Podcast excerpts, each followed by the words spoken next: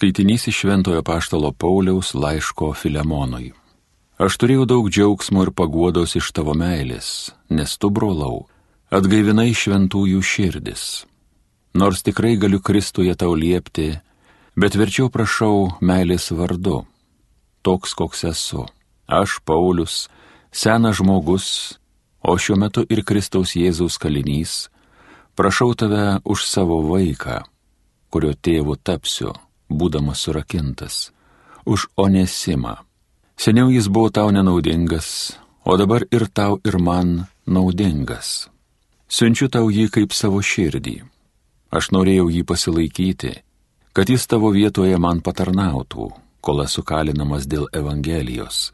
Tačiau be tavo sutikimo nenorėjau to daryti, kad geras tavo darbas būtų atliktas laisva valia, o netarytum iš prievartos.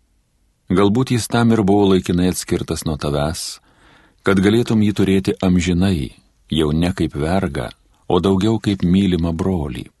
Jis ypač brolis man, o juo labiau tau, ir kaip žmogus, ir kaip viešpaties tikintysis. Tad jeigu laikai mane bičiuliu, priimk jį kaip mane, o jeigu jis yra tau skriaudą padaręs ar turi skolos, įrašyk tai į mano sąskaitą.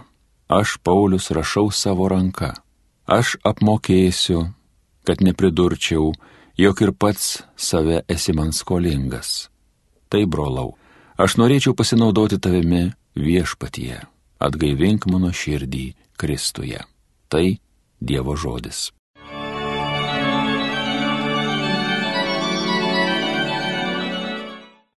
Laimingas, kurį Dievas palaiko. Jis gina reikmes nekaltų prispaustųjų, alkaniems parūpina duonos, kalinius iš pančių, viešpats vaduoja. Laimingas, kurį Dievas palaiko. Akliesiems šviesą viešpats gražina, klumpantiems padeda viešpats vėl atsistoti, myli viešpats žmonės teisingus, viešpats sergė svetim šalio žingsnį. Laimingas, kurį Dievas palaiko. Našlaitį našlę globoja, o nedoriesiems užkerta kelią, Viešpats yra amžių valdovas, jis tavo Dievas Zijone, jis kartų kartoms viešpatauja. Laimingas, kurį Dievas palaiko. Alleluja, alleluja, alleluja. Aš esu vynmedis, o jų šakelis, sako viešpats, kas pasilieka manyje ir aš jame, tas duoda daug vaisių. Alleluja, alleluja, alleluja. Iš Evangelijos pagal Luką. Farizijui paklaustas, kada ateis Dievo karalystė, Jėzus paaiškino. Dievo karalystė ateina nepastebimai ir niekas nepasakys, štai ji čia arba ten, nes Dievo karalystė jau yra tarp jūsų. Jis tarė mokiniams, ateis dienos, kai jūs geisite išvysti bent vieną vienintelę žmogaus sūnaus dieną ir nepamatysite. Jums sakys, štai iš čia, štai ten, neikite ir nebėkite paskui juos Kaip tvykstelėję žaibas nušviečia viską nuo vieno dangaus pakraščio iki kito, taip savo dieną pasirodys ir žmogaus sunus.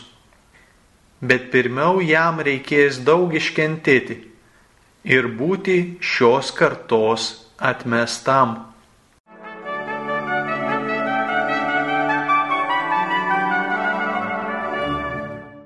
Mėlyjeji, šiandien Jėzus mums kalba apie Dievo karalystę, kuri ateina į mūsų tarpą, yra mūsų tarpe, bet jis ją vadina nepastebimai ateinančią į mūsų tarpą ir mūsų tarpę būnančią. Daugybė politinių ir kultūrinių pasaulyje struktūrų ir ideologijų ir režimų bandė sukurti tokią kaip Dievo karalystę žemėje. Nesėkmingai. Mes ir Lietuvoje patyrėme tą kabutėse išganingą komunizmo režimo vienovę, kada visi lygus, visi vienodai vertingi, visiems vienodai tas pats duonos kasnis kabutėse.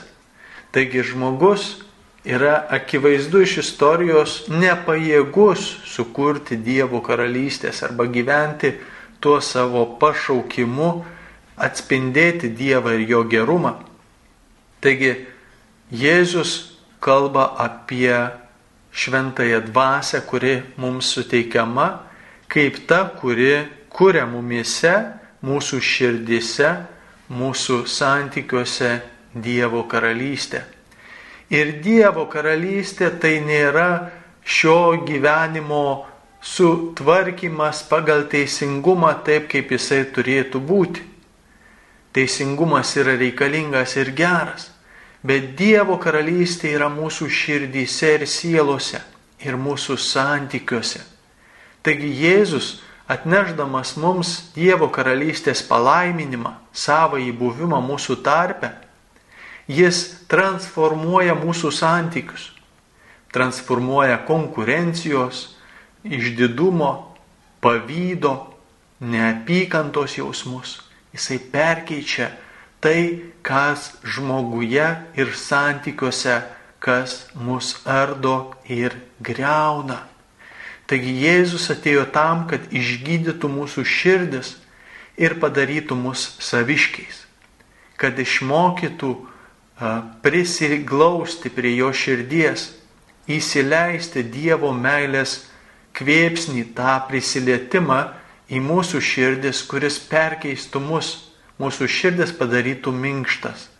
Todėl Jėzus, kai kalbėjo apie šventąją dvasę, jisai sakė, kad ateis šventoji dvasia ir ji jūs visko išmokys ir ves jūs į tiesos pilnatvę.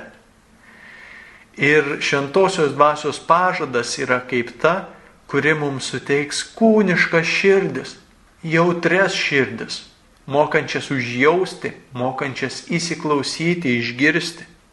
Būtent tokias širdis Jėzus nori mums sukurti. Ir tada Dievo karalystė plinta mūsų tarpe, mūsų ryšiuose ir santykiuose. Taigi mūsų širdžių perkeitimas, nuo kurio prasideda Dievo karalystės plitimas čia mūsų tarpe, mūsų ryšiuose ir santykiuose ir pasaulyje. Ir vis tik toj tiesos dvasia, kuri atneša Dievo karalystę šviesą, jinai yra tiesos dvasia. Ir kada susidurėme su šio pasaulio karalystės arba šetoniško praaiškų, smurto, pavydo, neapykantos ir visais kitais pavydalais, išnaudojimo žmogaus pavydalais, kada susidurėme su šia žemės arba šetoniškos apraiškų karalystėmis mes atsidūrėme konfrontacijoje. Ir čia neišvengiamai krikščionis patiria kančią, priešiškumą. Jis, būdamas Dievo šviesos nešėjas, tame tarpe šio pasaulio, kur yra tamsybės, jis būna dažnai atstumiamas. Ir tai gali būti darbo aplinkoje, Tai gali būti šeimose, tarp giminių, tarp draugų, vien dėl to, kad esi tas, kuris gyveni Jėzumi, vien dėl to, kad esi maldo žmogus ir bažnyčio žmogus, tavęs gali nepriimti tarsi be priežasties. Taip kaip Jėzaus nepriėmė, kuris pats atėjo kaip Dievas ir Dievo sūnus mums atnešti savo meilės žinę. Ir kad Dievas yra mūsų santykius transformuojantis, mes girdėjome apaštalo Pauliaus laiške Filemonui, kuris pagal to laiko kultūrą ir normas turėjo vergą onezimą. Vergas būdavo visiška nusavybė to žmogaus, kuris e, jį turėdavo. Ir girdime apaštalas Paulius kalba apie principą kuris yra evangelinis, kuris yra dieviškas, kad kiekvienas žmogus, nepaisant jo statuso, nepaisant jo socialinio ir kultūrinio statuso, jis yra vienodai vertas meilės, pagarbos ir buvimo visų kuo vertinamu kaip oriu ir lygiai verčių kitiems.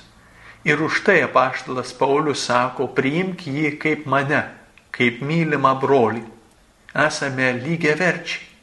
Ir šitą lygiai vertiškumą arba meilę, nepaisant statusų, nepaisant kilmingumų, nepaisant materialinio ar dar kokio nors mūsų stovio, kurio dažnai lyginame vieni su kitais, nepaisant visų išorinių faktorių, ši širdies bendrystė ir nuolankumas ir nusižeminimas, kuris yra Dievo ir jo meilės atspindys mūsų tarpe. Nuolankumas ir nusižeminimas yra dieviškos meilės vaisius. Ir ta meilė Dievas mus apdovanoja. Tad ir mes galime pagalvoti savo aplinkoje, savo rate, savo šeimose, mūsų santykiuose, mūsų maldoje už kitus, mūsų žodžiuose kitiems, kuriuos tariame, mūsų patarnavime kitiems.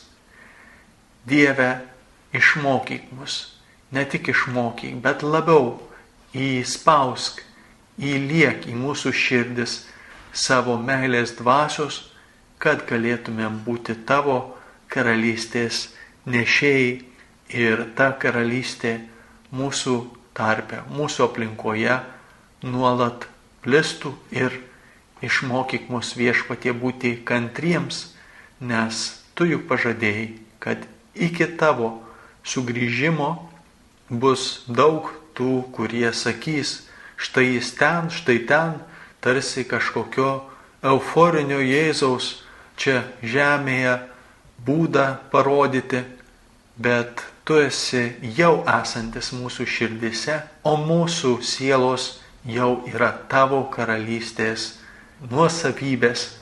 Tad viešpatie išmokyk mus giliau atsiduoti tau santykiui su tavimi ir būti kantriems tuose išmėginimuose, kurie mums laukia.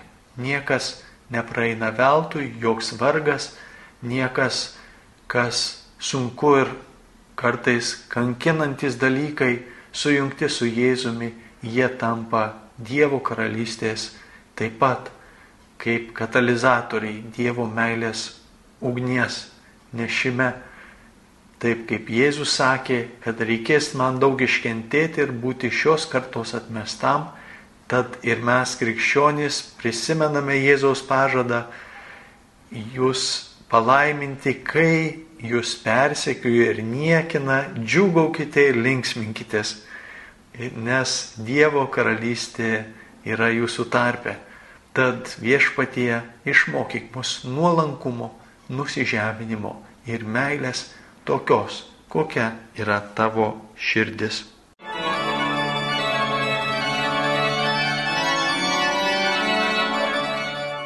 Homilija sakė kunigas Andrius Končius.